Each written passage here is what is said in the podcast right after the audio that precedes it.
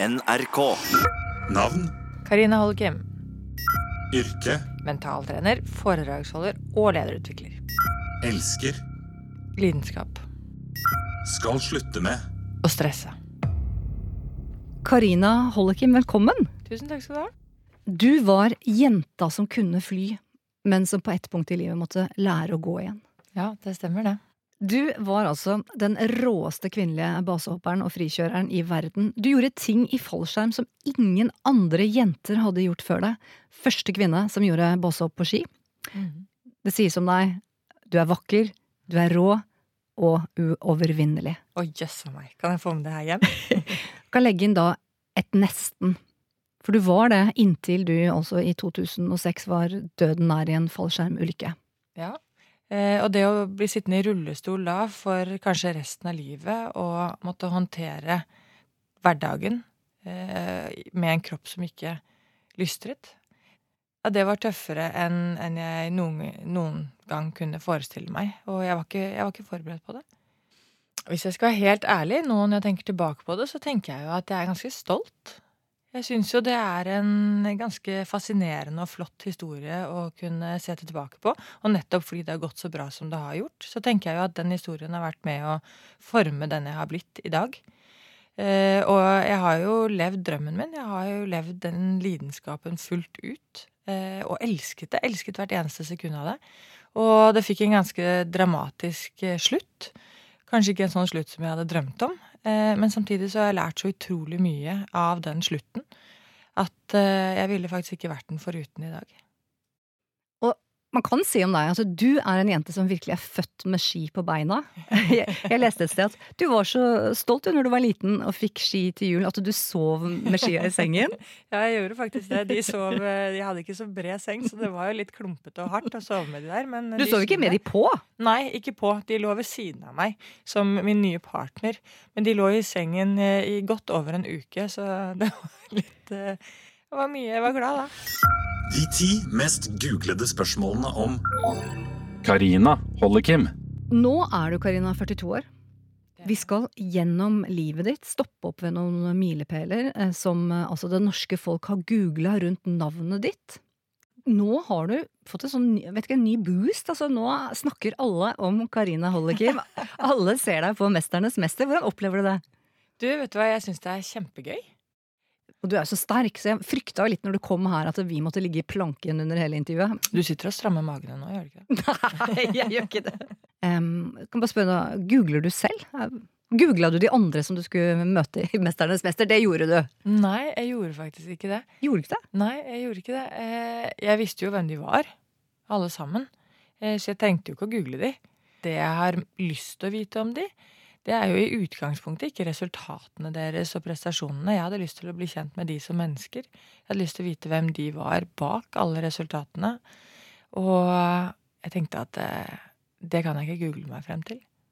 Da må man bli kjent og sitte sånn som du og jeg gjør nå. Og vi begynner nederst på lista. Spørsmål 10. Karina Hollekim, ulykke. Vi skal altså ca. tolv år tilbake eh, i tid. Du er 29 år. Mm. Datoen regner jeg med er eh, banket inn for livet, og det er altså 20. august 2006. Stedet er Villeneuve, Sveits. Eh, den datoen satt eh, merket i meg i ganske mange år. Og det er egentlig litt skummelt, eller litt eh, skremmende å tenke på. For det er eh, den samme datoen som eh, min mamma hadde en stor ulykke da hun var eh, omtrent like gammel som meg.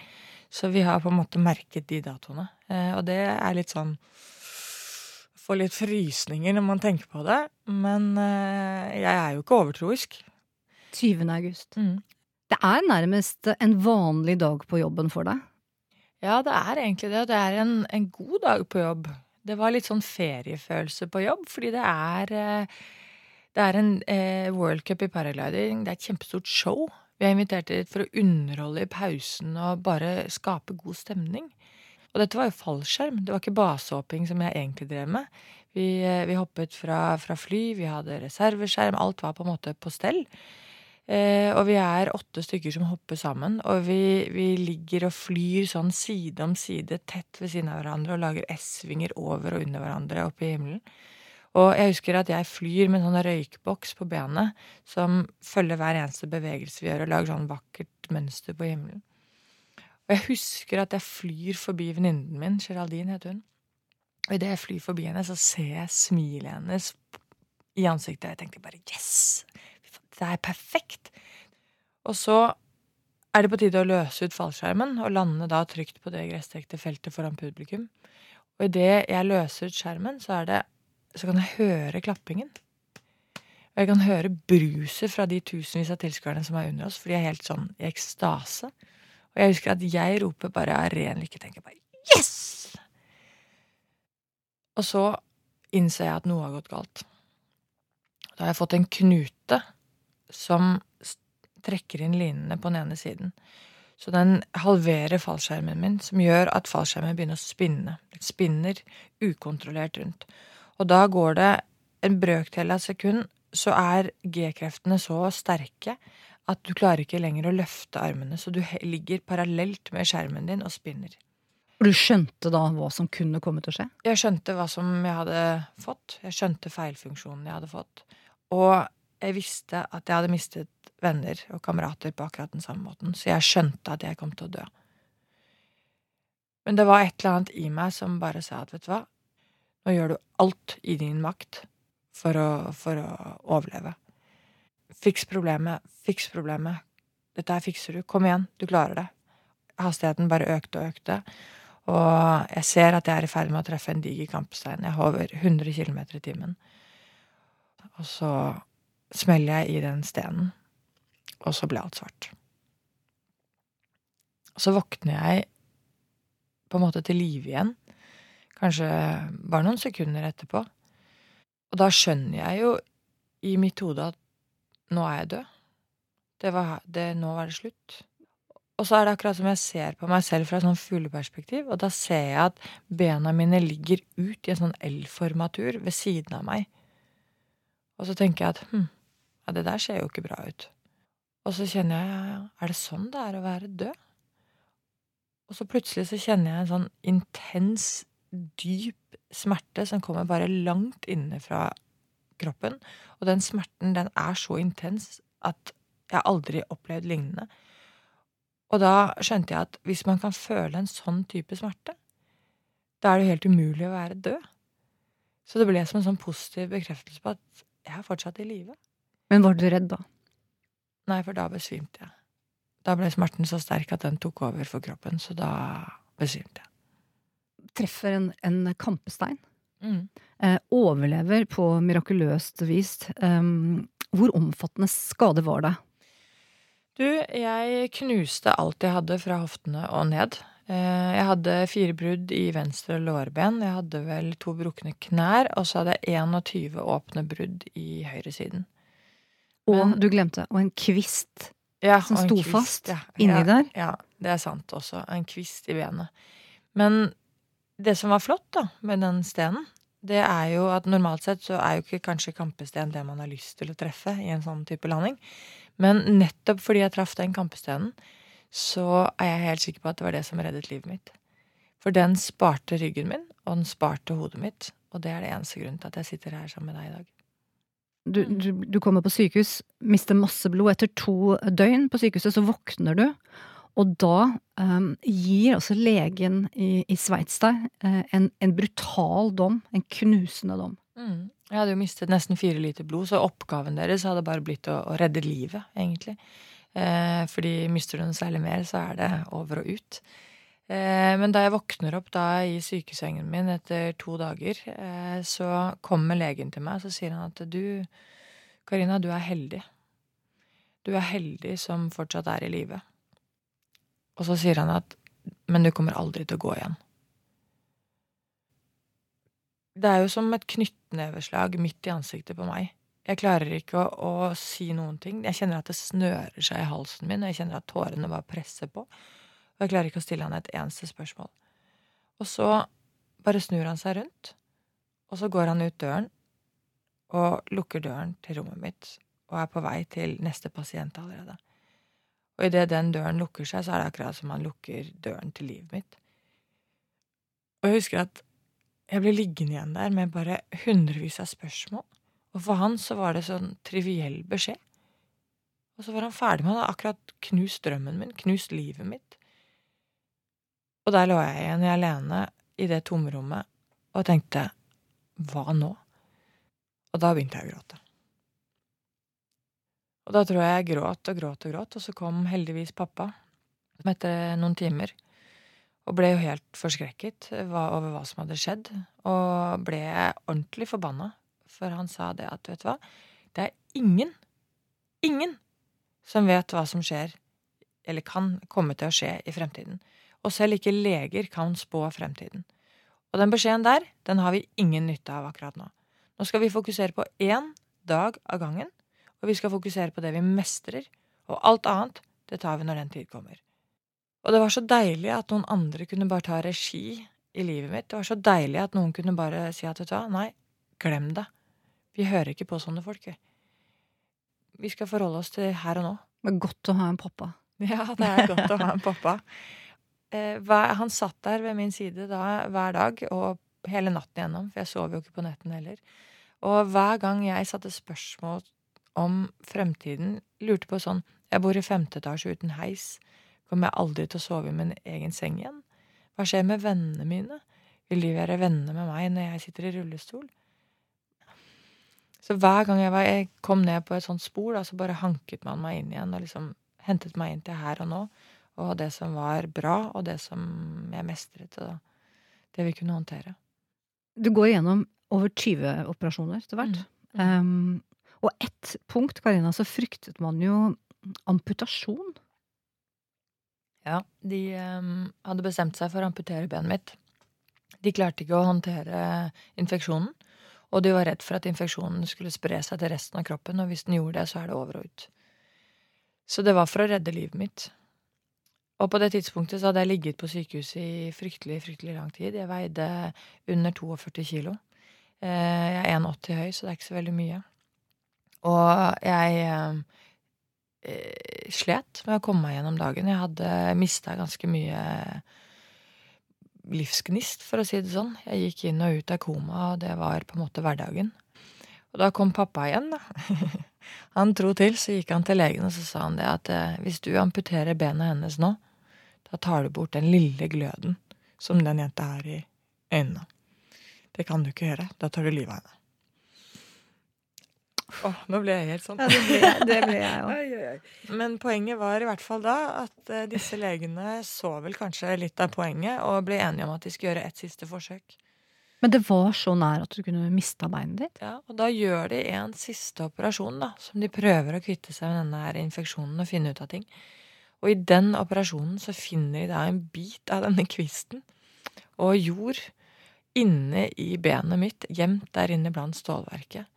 Og det er jo det selvfølgelig som er årsaken til hele denne infeksjonen. Så når de da får fjernet litt kvist og litt jord fra benet, så er det, så er det slutt. Hva, hva, hadde det, hva hadde det bety gjort med livet ditt videre hvis du hadde måttet amputere? Hva tenkte du rundt det? Du, altså, den gangen så følte jeg at jeg var så avhengig av en funksjonell kropp, så jeg hadde jo hele tiden sagt at hvis jeg noen gang ender opp i rullestol, så skyt meg. Det, et liv i rullestol er ikke et liv for meg. Og så ble jeg sittende i denne rullestolen.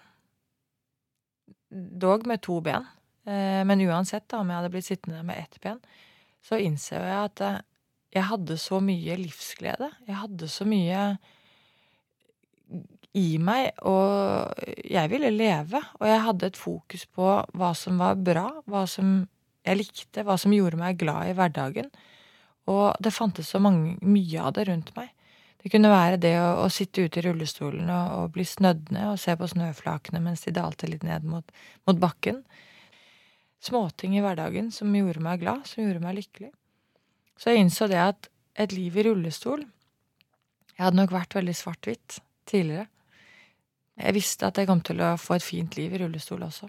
Jeg visste at jeg skulle klare å få frem lekenheten, jeg kjørte på sitski. Eh, jeg skulle finne glede i hverdagen.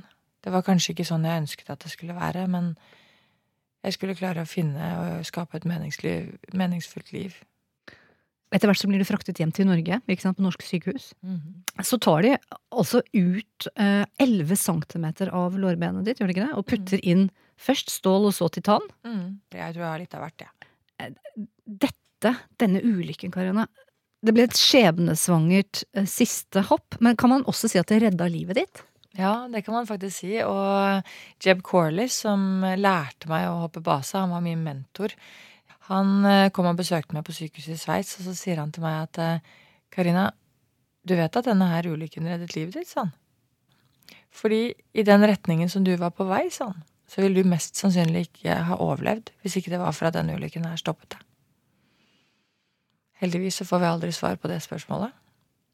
Men vi vet i hvert fall at jeg sitter her i dag. Det gjør du, Karina. Jeg er veldig glad for at du vil være gjest. Spørsmål 9. Karina Hollekim, familie. Og det er jo en som er veldig sentral her, for på veien tilbake til livet ditt nå, eh, så fins pappa Bjørn Sønsterud. Mhm. Han fins der alltid. Mm. Hva, betyd, hva har han betydd for deg eh, etter ulykke og i opptrening ved denne sida her? Nei, pappa har eh, gjennom den perioden her, gjennom opptreningen, så har han jo vist en, en side ved seg selv som jeg kanskje ikke har sett så mye til tidligere. Pappa har i utgangspunktet vært en veldig tøff, eh, typisk farsfigur hvor alt handlet om utendørsaktiviteter og føler vel selv at uh, han er ikke en sånn typisk uh, mann av, med masse følelser som viser de, sånn som Han er en typisk mann, sånn som foreldrene våre var i den generasjonen. Uh, men gjennom den opplevelsen som han hadde, hvor han opplevde at han holdt på å miste datteren sin Den eneste datteren som han har. Så er det jo klart at det gjør noe med deg. Eh, og plutselig så så jeg en sårbarhet hos pappa som jeg ikke har sett før. Eh, og han tok et ansvar der hvor han skjønte at nå hadde ikke jeg det som skulle til. Og han måtte bistå meg og, og passe på at han holdt meg over vannet. Han bærte deg i hendene. Ja, han gjorde det. Mye følelse, men det er fint òg, da. Det er jo en del av, Ja, ja. av denne historien. Nei, så han Og det gjorde han. Eh, og det kommer jeg til å være han evig takknemlig for. For han ble helt klart den viktigste støttespilleren for meg gjennom den tyngste perioden der. Men det var jo en vi kan kalle det en utvida familie, en slags sånn Team Karina i mange ledd her. Det var jo helsepersonell i Sveits og i Norge. Etter hvert så opptrening da på, på Cato-senteret. Eh, og inn og ut på rehabiliteringssenter, både på Cato-senteret, og jeg var jo både i Frankrike og i Østerrike og overalt. eh, Så jeg levde vel eh, inn og ut på rehabiliteringssenteret i et par år. Da må jo kontrasten ha vært enorm fra, liksom, fra å være den jenta som hopper fra 1000 meters høyder, til å skulle lære å reise seg eh, opp fra en rullestol. Fra, fra aktiv til syk. Ja, det er klart at den kontrasten var enorm. Jeg var jo vant til å bruke kroppen min eh, til alt jeg gjorde i hele, i hele livet. Altså, eh, var jeg frustrert og lei meg, så brukte jeg kroppen min for å få ut frustrasjonen. Eh, glede oppnådde jeg gjennom å bruke kroppen min, og gjennom sport og aktivitet. Jeg elsket å være ute i naturen. Alle vennene mine de drev med det samme som meg. Eh, og kanskje enda viktigere, dette her var jobben min. Det var jo sånn jeg gjorde levebrødet mitt. Og det handlet om egentlig hele identiteten min. Så når du rev det bort fra meg, så hvem er jeg da, egentlig? Hvem er jeg når jeg ikke har de prestasjonene, den mestringen, den selvtilliten rundt alle de aktivitetene? Og den gleden, ikke minst. Og det var, eh, det var beintøft. Og skulle da plutselig være låst til en rullestol på ubestemt tid. For hva gjør man da, egentlig? Blir det en tomhetsfølelse. Det ble en tomhetsfølelse, men samtidig så var jeg faktisk ganske rask på å fokusere på her og nå. Og jeg tror at når man er så langt unna det livet da, som ekstremsportutøver, at man ikke engang kan reise seg opp av sin egen seng og tasse ut på kjøkkenet og ta seg et glass juice på morgenkvisten, eller, eller gå på toalettet selv, altså gjøre hverdagslige ting, eh, så blir ikke ekstremsport så veldig viktig lenger. Da handler det om å egentlig bare få lov til å være en vanlig jente. Og leve et normalt liv. Men hva er det som skjer oppi hodet til Karine Karina Hollekim, da, når legene nærmest sier at vi, vi vet ikke engang om du kan klare å gå, så setter du deg skyhøye mål dag for dag, skritt for skritt. Ja. Eh, jeg tror nok akkurat det at han legen fortalte meg at jeg aldri skulle gå igjen, der og da så var det som et knyttneveslag. Men da jeg klarte å snu meg om fra den følelsen, så kjente jeg at fader heller, hvem er du som forteller meg at jeg ikke kan gå igjen? Hva vet du om hva jeg kan, og hva jeg ikke kan? Så kjente jeg at den følelsen der, det trigget meg.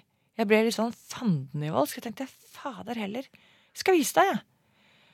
Så for meg så ble faktisk den legen egentlig den motivasjonsboosten som jeg trengte der på å bare bite tenna sammen. Og da kjente jeg det at det å gå for meg, det er ikke, det er ikke nok mål i seg selv. Det gir meg ikke noe godfølelse. Det er ikke nok lidenskap i å gå. Jeg må stå på ski. Det er jo der min identitet er. Det er jo det, det tenkte du mens du sitter i rullestolen. Ja, det skal det bli er meg. Det er det da, som jeg handler om. Det er det som gjør meg til den jeg er. Så jeg må stå på ski. Og jeg skal ikke bare kjøre på ski ned en eller annen slalåmbakke i en eller annen preppa løype. Jeg skal kjøre på ski ned en urørt fjellside i løssnø. Sånn som jeg gjorde i gamle dager. Det er det som gir meg lidenskap, og får meg til å stå opp om morgenen og gå den ekstra milen og jobbe ekstra hardt for å få det til. Og jeg vet da, blant annet trente med personlig trener, du trente boksing, veldig mange fysiske ting. Men du hadde også en slags sånn mantra i et speil hver dag. Ja, det stemmer det. Jeg hadde et speil ute i eh, gangen eh, på Cato-senteret. Så hver dag når jeg rullet forbi det speilet, så kikket jeg inn i speilet og ga meg selv et litt sånn tøft nikk. Og så sa jeg meg til, til meg selv at du, du er tøff, og du er sterk. Og når alle andre gir seg, så holder du ti minutter lenger. Så ga jeg meg selv et lite tøft nikk igjen, og så rulla jeg videre. Og, konge, da. Ja, men jeg må le, da, fordi sannheten var jo at det, fant, det var absolutt ingenting med den lille spurven der som var verken tøft eller sterk. Jeg veide 42 kilo, og som sagt så ut som en spurv og ikke en fighter. Og jeg visste det. Jeg visste at jeg ikke var tøff. Jeg visste at jeg ikke var sterk. Men gjennom å fortelle meg selv det, der hver eneste dag, hver gang jeg gikk forbi det speilet, speilet flere ganger om dagen, så litt etter litt så begynte jeg å gjøre som tøffe jenter ville ha gjort. Selv om ikke jeg var en av de. Og når man gjør det, og fortsetter å gjøre det, så litt etter litt så begynner kroppen å høre, lytte på det som hjernen forteller den. Og da holdt jeg ti minutter lenger, da. Og ti minutter lenger. Så når ukene gikk, og månedene gikk, og antageligvis også årene, så vet jeg at ved å gå og fortelle meg selv dette her hver dag, så var det med på å gjøre meg til hun sterke jenta til slutt. Og det er litt kult å tenke på. Og det bruker jeg selv i dag. Ikke akkurat de samme ordene, men jeg bruker det når jeg skal inneholde foredrag, når jeg skal inn på ledersamlinger, når jeg skal inn til møter som jeg gruer meg til så henter jeg frem de egenskapene som jeg trenger der og da. Jeg er tøff, jeg er sterk, og jeg holder ti minutter lenger enn alle andre. Nå kan du angre, for nå kommer alle norske kvinner til å bare zoome på her. Ja. Etter hvert så ble det jo beinhard trening på toppidrettssenteret. Mm. Men hvordan opplevdes det, du som var en av de før, og så være den syke? Sammen med, jeg vet ikke, det kan jo være alt fra Kjetil Jonsrud til ja. kjente størrelser der. Jeg syns det var veldig deilig å få lov til å trene på Olympiatoppen, på toppidrettssenteret. Eh, og det å være i det miljøet som jeg var vant til å være i fra før av, det gjorde, ga meg den følelsen at eh, jeg fortsatt var en del av det. Selv om jeg nå gikk rundt og hinket på ett ben og med noen krykker, så følte jeg, der jeg, jeg følte jeg var der hvor jeg hørte hjemme. Og det var godt å få lov til å være velkommen der. Og det gir jo også ekstremt mye motivasjon når man ser hvordan de står på og, og, kjemper og trener og jobber seg tilbake igjen. Da måtte jeg stå på det lille, lille ekstra også, for jeg var fortsatt den utøveren i hodet mitt. Ja, selv om ikke jeg hadde kroppen på lag. Du har vel, jeg har vært på Facebook-siden din, du har utrolig mange sterke, eh, bra sitat som gir bilder. Du har et som starter med 'Keep your eyes on the stars'. Mm. Keep your eyes on the stars and your feet on the ground. Even if you don't make it all the way, you're still standing. Bra sagt, Karina Hollekim. Jeg syns det er viktig å holde beina på jorden. Men det er viktig å heve snuta og satse høyt. For eh, om man ikke når helt opp til stjernene, så er man i hvert fall i, på god retning. Spørsmål åtte. Karina Hollekim, basehopper. Mm. Basehopp, hvordan definerer du det? Base er et akronym for eh, Building, Antenna, Span and Earth. Span er broer, så det er alle objekter som det går an å hoppe fra med en eh, fallskjerm på ryggen. Ekstremsport. Ekstremsport. Hva var det, Karina, som fikk deg inn i, i dette? Det var eh, drømmen om å fly. Helt klart. Eh, for meg så Det er nok mange, mange små barn som har drømt om å fly, men for meg så var det der eh, å kunne fly, det var den ultimate følelsen av frihet. Det å kunne leke blant skyene og virke så upåvirket av alt rundt seg, det var drømmen min. Stemmer det at du til og med spurte læreren din, eller sa til læreren din at du skulle, det skulle du klare en gang? Ja, jeg kom tilbake til klassen og fortalte om drømmene mine. En gang læreren min hadde spurt om jeg kunne gjøre det. Og da sa læreren min at uh, du må lære deg å være litt mer realistisk i livet. For vi mennesker, vi kan ikke fly. Nei, jeg brydde meg vel ikke så mye om det. Ikke da heller. Nei, ikke da heller. Det var vel kanskje det som gjorde at jeg ville fly. Er det frihetsfølelsen, og er det det, er det, det som trakk deg av? Ja, det er helt klart. Det har alltid handlet om frihetsfølelsen. Jeg tror nok eh, det er en kombinasjon av frihetsfølelse og mestring. For det å mestre, det å, å på en måte mestre det som i utgangspunktet er uhåndterlig. Altså for meg så var basehopping det å stå med liv og død, egentlig og balansere det i hendene. Det er jo nettopp det som er det verst tenkelige utfallet. Det å stå og balansere det, og ta valget om å hoppe ut og hoppe i det, og håndtere det, det så jeg på som den ultimate mestringsopplevelsen. Og for meg så ga det meg så mye energi. Jeg følte at når jeg hoppet og landet, så var det akkurat som alle hverdagsutfordringer og problemer, de var liksom vasket bort fra hjernen, og jeg var blitt tom i hodet og klar for å håndtere nye utfordringer. Og det var, eh, det var egentlig min måte å håndtere hverdagen på. En, en ekstrem gren liksom av ekstremsporten, basehopping. Mm. Eh, egoistisk også? Ekstremt egoistisk, ingen tvil om det. Eh, Det er vel lite som er mer egoistisk. Men jeg hadde rettferdiggjort det med at jeg ikke hadde noen egen familie. Ingen barn som var avhengig av meg. Eh, Jeg hadde eh, ingen, på en måte kall det seriøs eller fast kjæreste. Og det var lov til å være egoistisk. Jeg var på et sted i livet som jeg trengte det. Det var så viktig for meg for å bygge den selvtilliten og selvfølelsen som jeg trengte for å ja, eh, ha det bra i livet. Så det ble min flukt. Mm. Jeg tror det er vanskelig å forstå hva som får et menneske til å kaste seg utfor et fjell. Eh, og for meg så var det så viktig, det var så betydningsfullt i livet mitt, for det, jeg hadde en uro, et tomrom inni meg som jeg måtte fylle.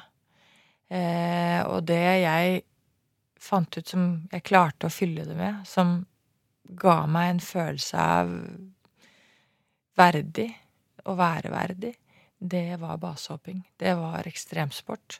Der eh, møtte man andre mennesker som kanskje var veldig forskjellige fra deg, men allikevel man connected på et nivå som ikke jeg opplevde utenfor det miljøet. Eh, man blir veldig naken, og følelsene er utenpå deg. Eh, for vi går i en sånn berg-og-dal-bane av eh, følelser fra ekstrem frykt til ekstrem lykke på bare brøkdelen av sekunder. Og i hverdagen generelt så er vi veldig gode til å bygge opp murer rundt oss for å beskytte oss fra å vise ydmykhet eller sårbarhet. Eh, For vi er redd for å bli såret. Mens i basemiljøet eller i ekstremsportmiljøet så er den frykten ligger utenpå deg. Så sårbarheten din er så synlig for alle andre, og vi møtes på likt nivå alle sammen. Og det var en måte å bli kjent med som var eh, utrolig betydningsfull for meg på den tiden. Ville du gjort det igjen? Satt alt på spill en gang til? Hvis du fikk muligheten, ville du, gjort et basehopp på nytt? Nei. eh, den tiden er forbi. I dag har jeg en samboer, jeg har to små gutter som er avhengige av meg. Eller de har i hvert fall fortjent å ha en mor til stede i hverdagen sin. Og jeg vet hva det vil si å ikke ha en mor til stede i hverdagen min. Og jeg er ikke villig til å utsette mine barn for det samme. Så for meg så er det helt uaktuelt å hoppe base i dag. Hender det at du savner det? Noen øyeblikk liksom i løpet av et år, et liv? At du savner den følelsen av det kicket? Selvfølgelig savner jeg mye av det.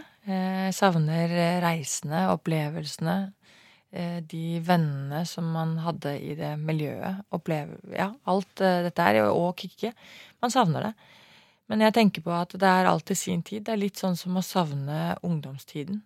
Det er mange ting ved ungdomstiden man kanskje kunne ønske seg å få igjen. Men livet går videre, og nå er det en ny tid. Det er andre muligheter, det er andre opplevelser som jeg ikke ville vært foruten. Så jeg tar med meg det.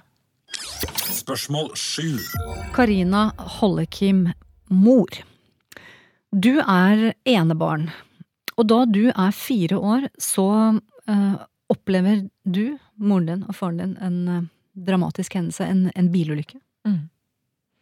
Eh, vi eh, har vært på bilferie i Nord-Norge eh, og er på vei hjemover da en motgående bil kommer over i feil kjørefelt. Eh, pappa han gjør alt han kan, styrer mot grøfta, men den bilen treffer oss inn i siden der hvor min mamma satt. Jeg sitter i baksetet og blir slengt ut gjennom frontruta og havner på panseret foran på bilen. Og jeg kan fortsatt huske synet av en livløs mamma som ligger på en båre i veikanten. Og rundt henne så ligger all, all maten vår, alle klærne våre, de ligger spredt. Og da husker jeg at jeg skriker. Men den fremmede taxisjåføren som holder meg i armene sine, han, han holder meg bare enda litt tettere. Og det, det er det siste jeg ser til mammaen min før de tar henne med seg. Og da Heldigvis overlever hun med mammaen min, men hun blir liggende i koma i fire måneder.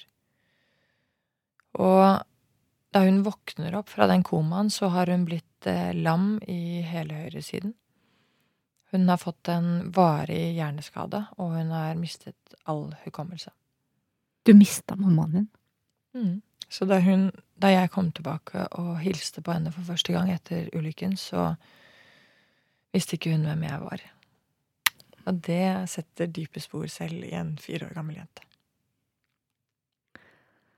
Jeg beklager å snakke. Det blir sterkt, fordi vi, vi er jo mødre begge to også, ikke sant?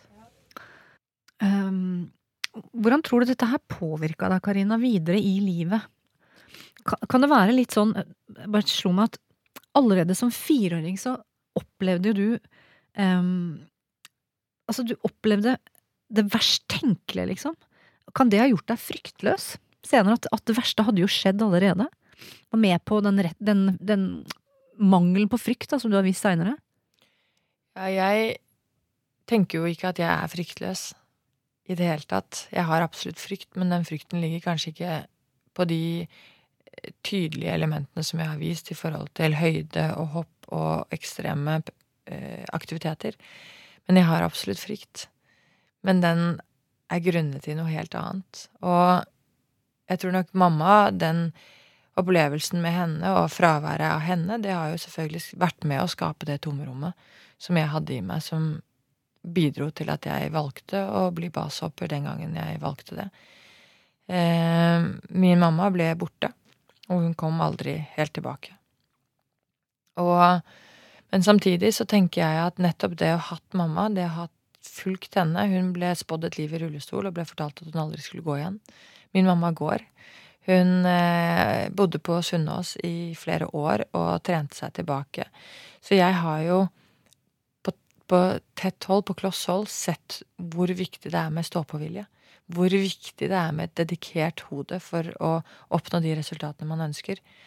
Og det at min mamma kunne reise seg opp Hun ble fortalt at hun aldri skulle kunne gå.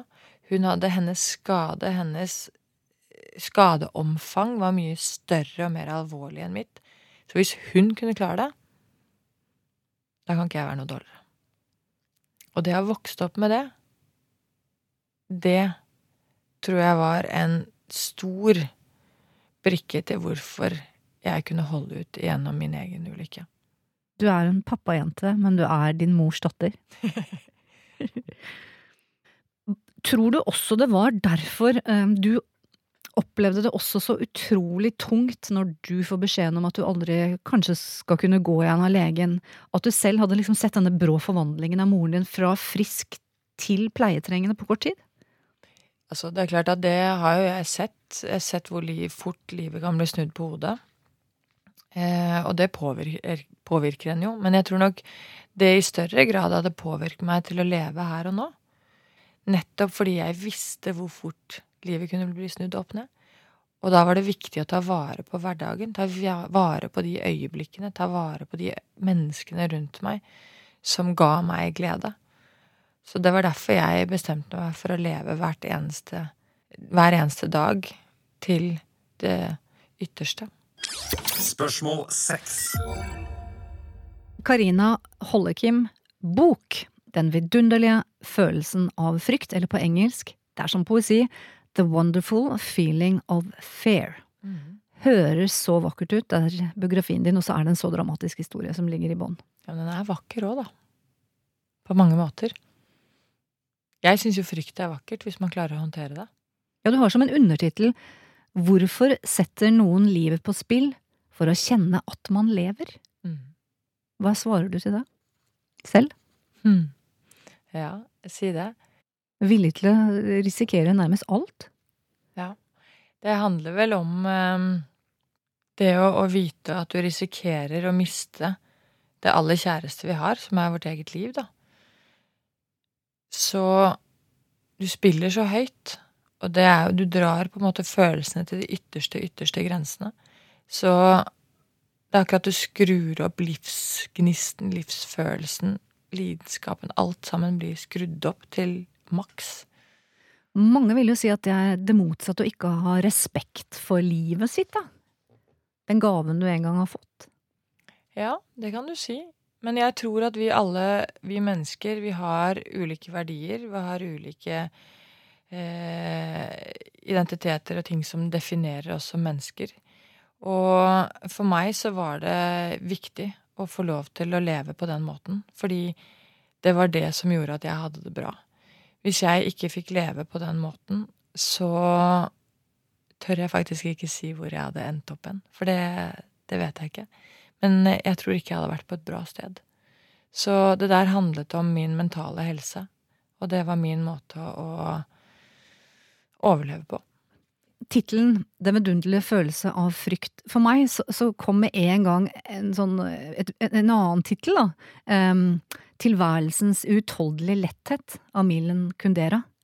Handlet det liksom om om det der å At det, det var ikke Altså, livet i seg selv var ikke nok, da. Jeg var redd for det livet som jeg ikke mestret. Og da trakk jeg til det livet som jeg mestret, og som ga meg en selvtillit og en følelse av at jeg var god til noe. Og det var ekstremsport. Og jeg var god til å mestre fysiske utfordringer. Og det trengte jeg. Ja, For det er litt viktig for deg, er det det? Å være en av gutta? Det er viktig for meg å være med og, og på en måte jeg, jeg, vil ikke være det svakeste leddet. Der trives jeg ikke. For, for hvorfor vil vi ikke det? Jeg tror ikke vi Vi er jo ikke så gode til å strekke ut en hånd og få hjelp. Så vi skal alltid klare oss selv. Og jeg har nok vært eh, en som har vært ekstremt dårlig til å, til å be om hjelp. Men har da i, ditt, i din verdiverktøykasse før, da, mm. har også svakhet liksom, Det har jo kanskje vært en egenskap du har sett ned på? Ja, svakhet har ikke vært inne i mitt repertoar. Jeg, eh, jeg ønsket ikke på noe vis å vise svakhet. Eh, og jeg gikk vel heller i den rake motsetning i en annen retning, at jeg var villig til å gjøre alt for å ikke vise svakhet. Så det å kunne mestre og kaste seg utfor et fjell, det å stå på ski sånn som jeg gjorde, det å leve det livet som jeg gjorde, det handlet jo om å ikke våge å vise den sårbare siden som jeg så på som en svakhet. Og da er det mye lettere å håndtere fysiske utfordringer og fysisk smerte, for den saks skyld, enn mentale utfordringer og smerter. Dette er en bok um, som har inspirert veldig, veldig mange. Mm. Em, men det er jo sånn at du skriver jo stadig nye kapitler på denne boka. Ja, Du er jo bare halvveis. Ja, det er sant. Så hva, hva, hva blir neste kapittel? Kan jeg spørre om det? Er det, noe, Det er jo litt bold, selvfølgelig, å komme ut med en biografi i en alder av 30 år, eller hva jeg var for noe. Er veldig 35. tøft. Veldig tøft. Men det ligger jo selvfølgelig en oppfølger der. Jeg vet ikke om den blir like sterk. Kan du avsløre noen planer da, for et nytt kapittel eventuelt i 2019? Oi. Oi, oi, oi. Er det noen nye ting du holder på med? Eh, Nå driver jeg og finner balanse i hverdagen. Det er jo ikke like hot, men eh, veldig viktig allikevel. Hot or not? Hot or not. Spørsmål fem. Karina Hollekim, mesternes mester. Over én million så premieren. Det er helt vilt. Det er gøy. Det er sjukt. Mm. Kongen av Mallorca, vet du, Dag Erik Pedersen, han eh, mente det var den hyggeligste gjengen han noensinne har hatt med i Mesternes mester. Det er jo en ære, da. Ja, det syns jo vi òg. Det er liksom kjemi fra start. Ja, det følte vi òg. Altså, vet du hva? Vi ble en så sammensveiset og god gjeng. Og vi hadde det så hyggelig. Men du glemmer én ting, dere skulle konkurrere. Ja, ja, ja. Vi skulle konkurrere også. Men det er jo det som er prikken over i-er. Helt ærlig, stemmer det virkelig at du uh, måtte overtales for å bli med fordi du følte deg, ja, som du sa da, som en outsider, egentlig? Jeg tror nok jeg hadde en ganske lav selvtillit når jeg kom inn i Mesternes mester, og skjønte ikke helt eh, Jeg følte meg ikke verdig eh, å få lov til å være med der sammen med de idrettsutøverne som jeg har sett så opp til gjennom så mange år, som har så mange prestasjoner å se tilbake på. Eh, og jeg følte meg litt handikappet i forhold. Og så visste jeg jo at jeg hadde en kropp som egentlig ikke var så veldig sterk, og kanskje ikke kapabel til alt det vi skulle gjøre der nede. Men så gikk jeg over til å tenke at vet du hva, nå skal jeg være litt egoistisk. Eh, så trengte jeg en sånn gulrot for å få meg over dørterskelen til å komme meg ut og trene og begynne å ta vare på meg selv. Eh, så jeg tenkte at eh, nei, nå er det min tur til å få lov til å komme litt i form. Det handlet om å, å kjenne at vet du hva, jeg har fortsatt noe å bidra med. Jeg kan fortsatt eh, vise viljestyrke og, og på en måte være en lagspiller og bidra til at, å spille andre gode. Eh, og det var en litt uh, gøyal side å hente tilbake, for det er jo litt der man var i gamle dager. Og jeg var stolt av NRK som nå hadde utvidet horisonten litt og sett utenfor de tradisjonelle idrettsgrenene som vi er så vant til å se på TV, og begynne å inkludere sånn som basehopping og frikjøring og den slags. Det er jo Jeg syns jo det var helt rått. Mm. For det gjør jo at vi nå begynner å tilnærme oss den yngre generasjonen som vokser opp med cheerleading og, og, og ekstremsport eh, i hverdagen. Noe som jeg vet ikke overraska deg, da, men som har blitt en del av det vi snakker om når vi snakker om 'Mesterernes mester, det er jo at du fikk en stalker du på innsiden. Rett og slett dattera til Egil Drillo Olsen. Hun var jo superfan. Ja, jeg kaller, jo ikke, jeg kaller jo ikke henne for en stalker, egentlig. For jeg vil jo si da at uh, Altså Kine Olsen Vedelden. Ja. Jeg var utrolig imponert over henne. Hun kom frem til meg første dagen der nede og, og sa det at Karina, jeg er din største fan. Jeg har lest boken din to ganger. Jeg mistenker at hun har lest den enda flere, for hun kan den på rams. Og hun kan, altså Det er som hun har tatt en ph.d. i min egen livshistorie. Så det er litt fiffig, men veldig morsomt også. Eh, og hun sa også det at det er på grunn av deg at jeg turte å satse på min egen eh, sport og reise over til USA, og jeg har sett opp til din styrke og prøvd å være like tøff og sterk som deg.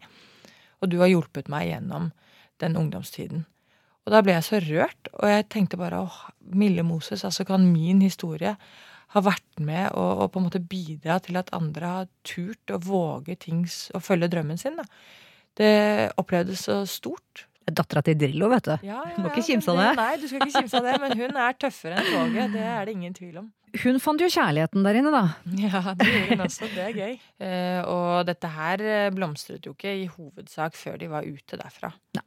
Hvilke hensyn har du måttet ta da, eh, når det var med i Mesternes mester? Fordi at, for det kunne ha få fatale følger hvis du ikke liksom passa på.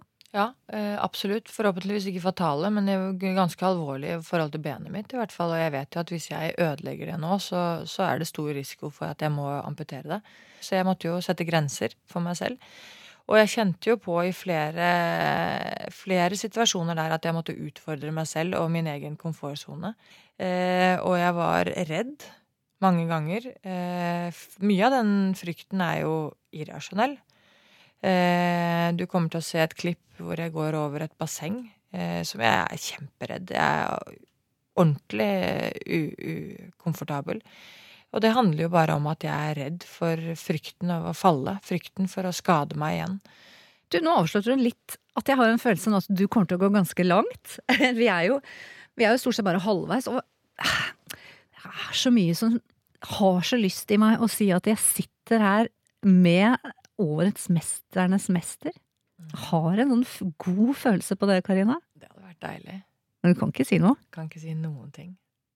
Jeg syns jeg ser det i blikket ditt. Det hadde vært, altså det hadde vært så sjukt, da. Det hadde vært helt rått. Ja, det er det ingen tvil om. Jeg må jo si det selv, at det hadde vært helt rått. Nesten umulig. Eh, ja, det vil jeg si er eh, nesten umulig. Det er Men ingenting men det som er umulig. Men med din vilje, vet du, med din s- mestringsstayerevne, så skal du ikke helt utelukke det heller. Nei, det skal man ikke gjøre. Spørsmål fire. Karina Hollekim, Instagram. Ja. Og når jeg har sett kontoen din, så syns jeg det er utrolig mange bilder hvor altså Karina har tunga ut på skeiva, ut av kjeften, i sne. ja. Du elsker snø under Ja, jeg beina. gjør det. Jeg gjør det. Det er ikke til å legge skjul på det. Veldig mye sporty bilder fra turer, eh, og jeg ser at du har begynt med stisykling. Ja, det gjorde jeg for noen år tilbake. Og det er jo blitt en stor lidenskap nå. For det er jo litt sånn det samme som man kjører på ski ute i eh, skoger og, og fjell, holdt jeg på å si, på vinterstid. Så kan man gjøre det samme på stisykkel. Og det er en sånn fin aktivitet som man kan gjøre med egentlig hele familien. Fordi det gjør ikke noe om man er god eller dårlig, fordi man hele tiden venter på hverandre. Du har vært eh, og sykla i Dolomittene, og jeg så også bilder fra Val Gardena i Italia. Mm, det er jenteturer, vet du. Ja, kose seg. Ja. Hvor lange økter da, bare så vi har et bilde av det, da, hvis vi er interessert? Jeg kjører hele dagen, så hver dag. Seks-åtte timer. Kan anbefales. I all høyeste grad. Det er lek og moro og latter på høyt nivå. Vakker natur, ikke minst. Og lek er da også ganske bra stikkord for veldig mye av de andre bildene jeg har sett. Det er sjøliv, det er surfing på Stad, um, og det er selvfølgelig ski uh, hos far i Hemsedal. Med andre ord, altså du er ikke en jente som liker å kjede deg, det ser jeg på bildene. Nei, jeg gjør ikke det. Aldri en lat søndag. Jo, absolutt. Vi koser oss, vi nå. Yes! Spørsmål tre. Karina Hollekim, dokumentaren 'Vilje av stål'. eh, Det er altså seks år etter at du blir fortalt at du aldri kan gå.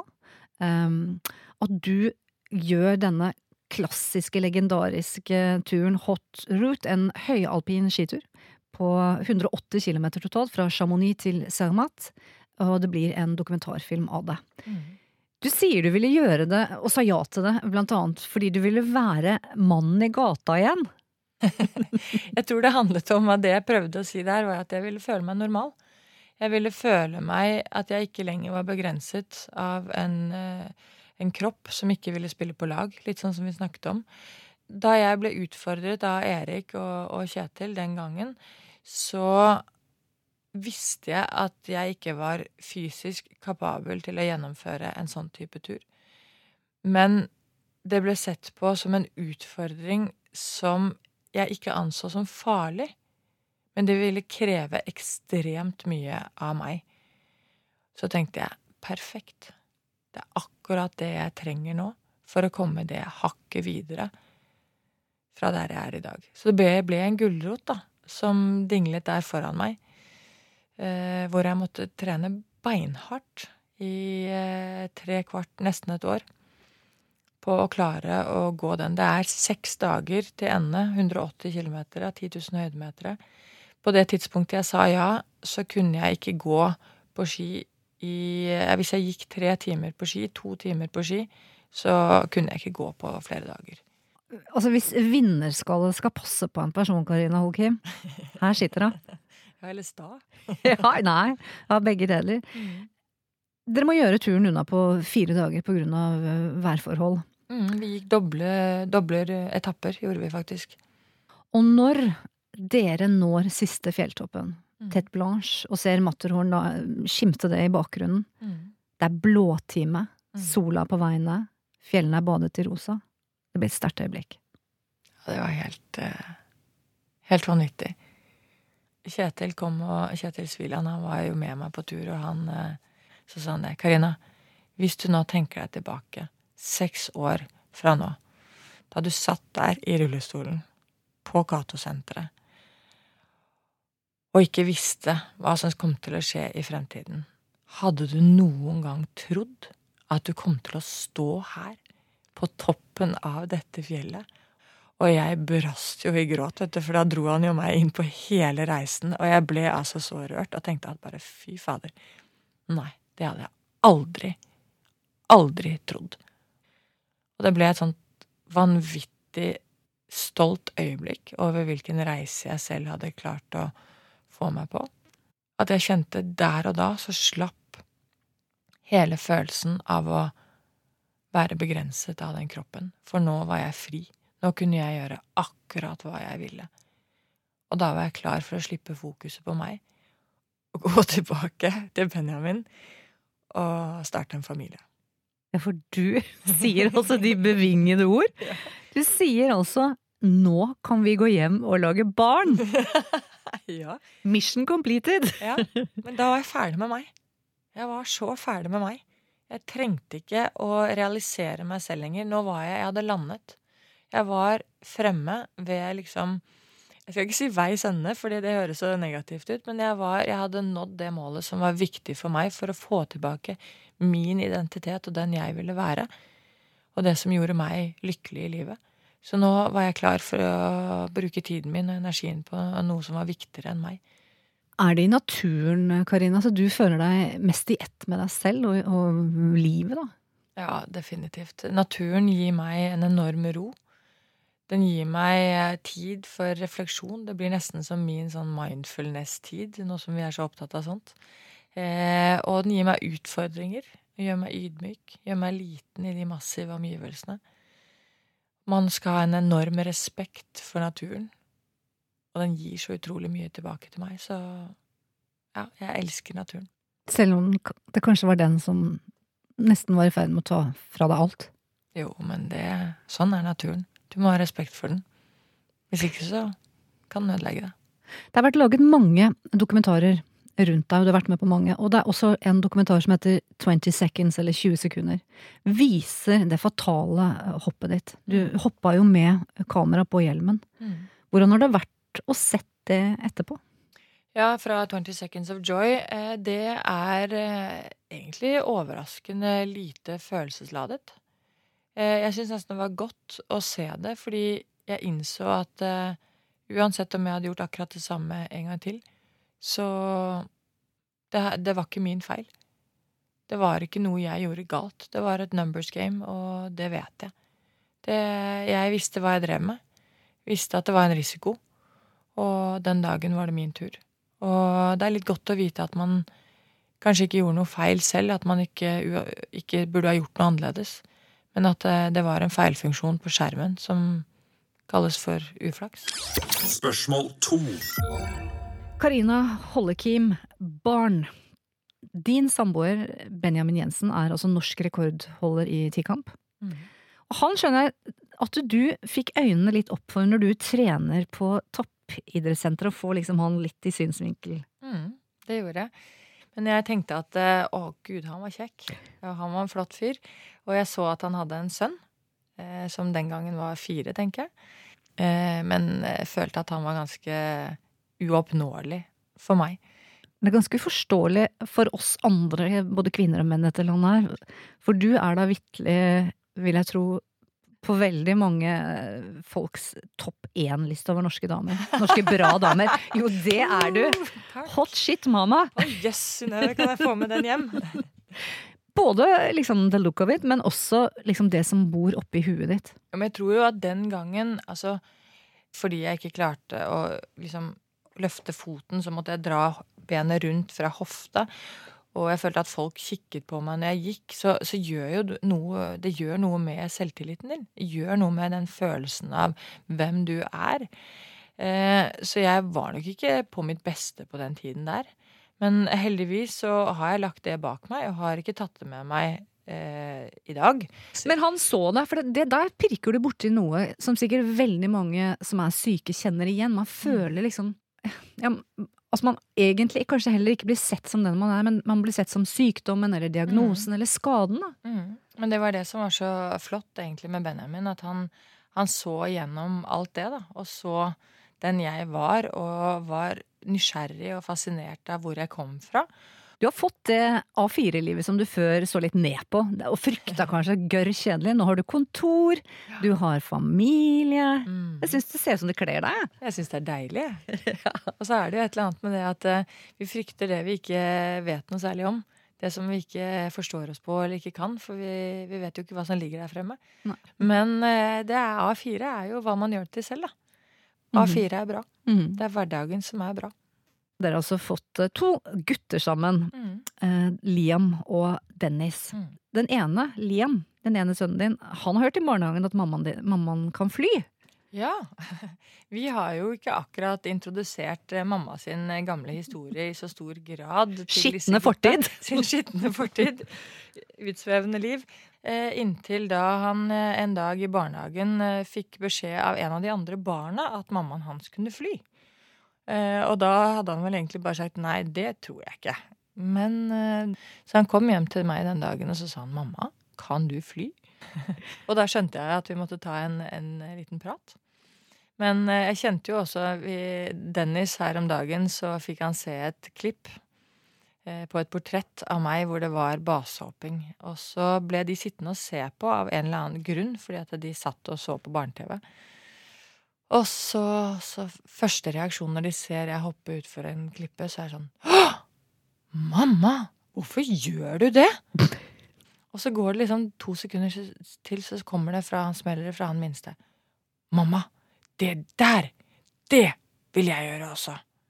Og da tenkte jeg åh nei, nå har vi sett nok barn. For det er jo på lista her. Ja, det Er du det. blitt hønemor? Hva ville du sagt hvis disse, når de vokser opp, skulle ha, hatt lyst til det samme? Det er klart at de, de kommer jo til å få med seg en del som jeg kaller for vakre bilder. Eh, Utrolig flotte bilder i naturen fra basehopping og skikjøring. Eh, De har vokst opp med en mor med noen ganske graverende arr som de har blitt vant til å se, og også forstått historien til. Eh, Men kanskje viktigst av alt så tenker jeg at jeg eneste jeg kan gi dem, er en, en trygg oppvekst. En kjærlig oppvekst hvor de forstår at de kan være seg selv, og at de er bra nok som de selv er, uansett hva de velger, og uansett hva de måtte ha lyst til. Og gi dem en, en selvfølelse som forhåpentligvis eh, gjør at de ikke føler behovet og den uroen inni seg at de er nødt til å kaste seg utfor fjell. Du tetter hullene, hvis det skulle være noen hull. Jeg håper det. Men jeg vet, en ting du virkelig med glede gir videre til barna dine, det er gleden ved å være i naturen, og så er det skiarven. Mm. For jeg tror at det er viktige verdier å ta med seg i livet. Spørsmål 1. Det aller mest googlede spørsmålet er Karina Hollekim, foredrag. Du har jo profesjonalisert de erfaringene som du har hatt, og i dag så jobber du som mentaltrener, eh, blant annet for profesjonelle idrettsutøvere og for ledere i næringslivet. Mm. Eh, Du er anerkjent også i utlandet, blant annet det henger veldig høyt, deltatt på den prestisjetunge konferansen TED Talks. Mm. Hva gir det deg å holde foredrag? Du, vet du hva? Eh, både foredrag og egentlig jobben som mentaltrener da, og, og lederutvikling, det gjør at jeg kan bruke de erfaringene som jeg har hatt gjennom min karriere og, og mitt liv, eh, og, og den kunnskapen som jeg har nå knyttet til meg etterpå, eh, til å inspirere andre, motivere andre, eh, bidra så andre kan få en litt bedre reise selv. Eh, og, og kanskje også få ut de beste sidene av seg. fokusere på noe som er bedre, viktigere for de, bli litt mer verdistyrt i hverdagen. Eh, jeg er veldig fascinert av hvordan kropp og sinn Mm. henger i hop, og hvordan det påvirker hverandre. Og det har jeg følt på kroppen, viktigheten av. Og gjennom de bildene, historiene som jeg kan fortelle, så kjenner jeg at det er veldig lett å nå frem til mennesker. For det er veldig enkelt å, å se effekten av det. Det å, å kan få lov til å bruke den historien nå til, til å hjelpe andre, det gir jo min historie en større verdi. Fordi da blir den viktigere enn bare meg, eh, og større enn bare meg. Og det kjenner jeg at det gjør utrolig godt i dag.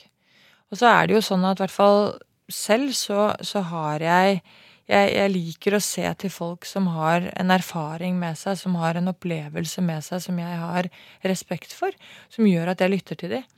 Og jeg tenker jo da at den, den opplevelsen som jeg har tatt med meg, den kan man ikke lese seg til i en bok. Den kunnskapen må man kjenne og føle og ha erfart. Og um, da har jeg med meg noe unikt som heldigvis ikke så mange andre har, kan man vel si. Og du er blitt et, eh, et forbilde. En rollemodell. Det første foredraget leste jeg et sted, gjorde du faktisk eh, 15 måneder etter ulykken, og Ja. da satt du i rullestol. Ja, det stemmer. Da følte du deg ikke så sterk. Nei, jeg gjorde ikke det, men poenget er at jeg følte meg jo aldri sterk. Jeg følte meg ikke sterk da, og jeg følte meg ikke sterk året etter. Men jeg ble det til slutt. Fordi jeg fortsatte å fortelle meg selv at jeg var det. Mm. Men jeg følte meg ikke det. Og det ble jo veldig kraftfullt når man satt der i rullestolen, og jeg reiste meg vel opp og sto med krykker. Og det første jeg gjorde inne i konserthuset, med den akustikken som er der, det var å ta krykkene mine og kaste de i gulvet, og så sa jeg 'dette er min drøm'. Og så kjente du bare den der gjenklangen inne der, og det bare jeg selv kjente at jeg fikk frysninger, og jeg bare Oi, nå er det sagt. Nå er ordene ute. Nå kan jeg aldri gå tilbake på det igjen. Så det ga jo en effekt på meg òg, for nå måtte jeg jo stå for det jeg hadde sagt. Og det har du klart. Det er klart. Det er klart. Jeg hadde ikke klart dette selv. Jeg hadde ikke klart det uten det støtteapparatet jeg hadde rundt meg, uten familien min, uten vennene mine, som alle var der. De ga meg en god klem når jeg trengte det, og de ga meg et ordentlig tupp i baken når jeg trengte det. Jeg hadde ikke klart dette alene. Men mental styrke, det er jo utrolig fascinerende, for mange spør meg tror du man er født med mental styrke, eller er det noe man kan trene opp? Kan man lære seg det? Og jeg tenker jo litt sånn at eh, mental styrke kan være så mangt, egentlig. Og for meg så handler det litt da om det å, å kunne kontrollere tankene sine, og kanskje opptre og være på en positiv måte på tross av omstendighetene som er rundt. Og kanskje være tøff nok til å skape sin egen definisjon av hva suksess er. For det er jo så ulikt fra alle mennesker. Så selv om det er lett å se på meg fordi det er fysiske prestasjoner, og det er vi raske med å, å kalle for og hun er så mentalt sterk fordi hun står i smerte og står i disse prestasjonene. Men, men det handler jo om så mye mer. Og det handler jo om, om viljestyrke og, og, hardt arbeid og det å være på en måte committed, da, eller å gå all in. Vi er jo alle født forskjellige, men det viktigste som påvirker hvor mentalt sterke vi blir, det er miljøet vårt. Det er det vi Oppveksten og det vi eh, beveger oss og, og, sier til oss selv og, og, opplever hver eneste dag. Og derfor er det trenbart. Og det er jo det som er så utrolig bra. Fordi trenger vi da litt mer mental styrke, så går det an å gjøre noe med det. Definerer du deg nå, definerer du deg nå som uh, funksjonsfrisk eller handikappet? Hvordan ser du på deg selv? Jeg definerer meg som Karina Holkim. Jeg definerer meg som en, en normal jente. Jeg har aldri tenkt, tenkt over det. Og du lar aldri eventuelle skader uh, sette begrensninger for det livet som du vil leve fremover? Nå er ikke kroppen min lenger en begrensning for meg. For nå kan jeg gjøre det jeg vil gjøre, og det som handler om min lidenskap. Og det fins fortsatt ting jeg ikke kan gjøre. Jeg kan fortsatt ikke løpe. Det, jeg er heller ikke så god på vendinger. Det er veldig mye sånn Jeg bruker ganske lang tid på å reise meg opp fra gulvet. Men de oppleves ikke som begrensninger. De er en del av meg, og jeg må på en måte tilpasse livet mitt og, og fokusere på de tingene som jeg mestrer, og de tingene jeg er god på, og de tingene jeg, som jeg elsker. Og det er så mange av de. Så da ser jeg ikke noen grunn til å fokusere på de én, to, tre tingene jeg ikke kan gjøre. Karina Hollegim, det har vært en ære og en glede og veldig, veldig interessant å høre hele din historie fortalt med dine egne ord. Tusen takk, Synnøve. Æren eh, tror jeg på min side også. Og så tror jeg jeg har det norske folk i ryggen når jeg sier at eh, vi kommer til å følge hvert skritt framover som du tar i Mesternes mester. Vi heier på deg. Tusen takk skal du ha.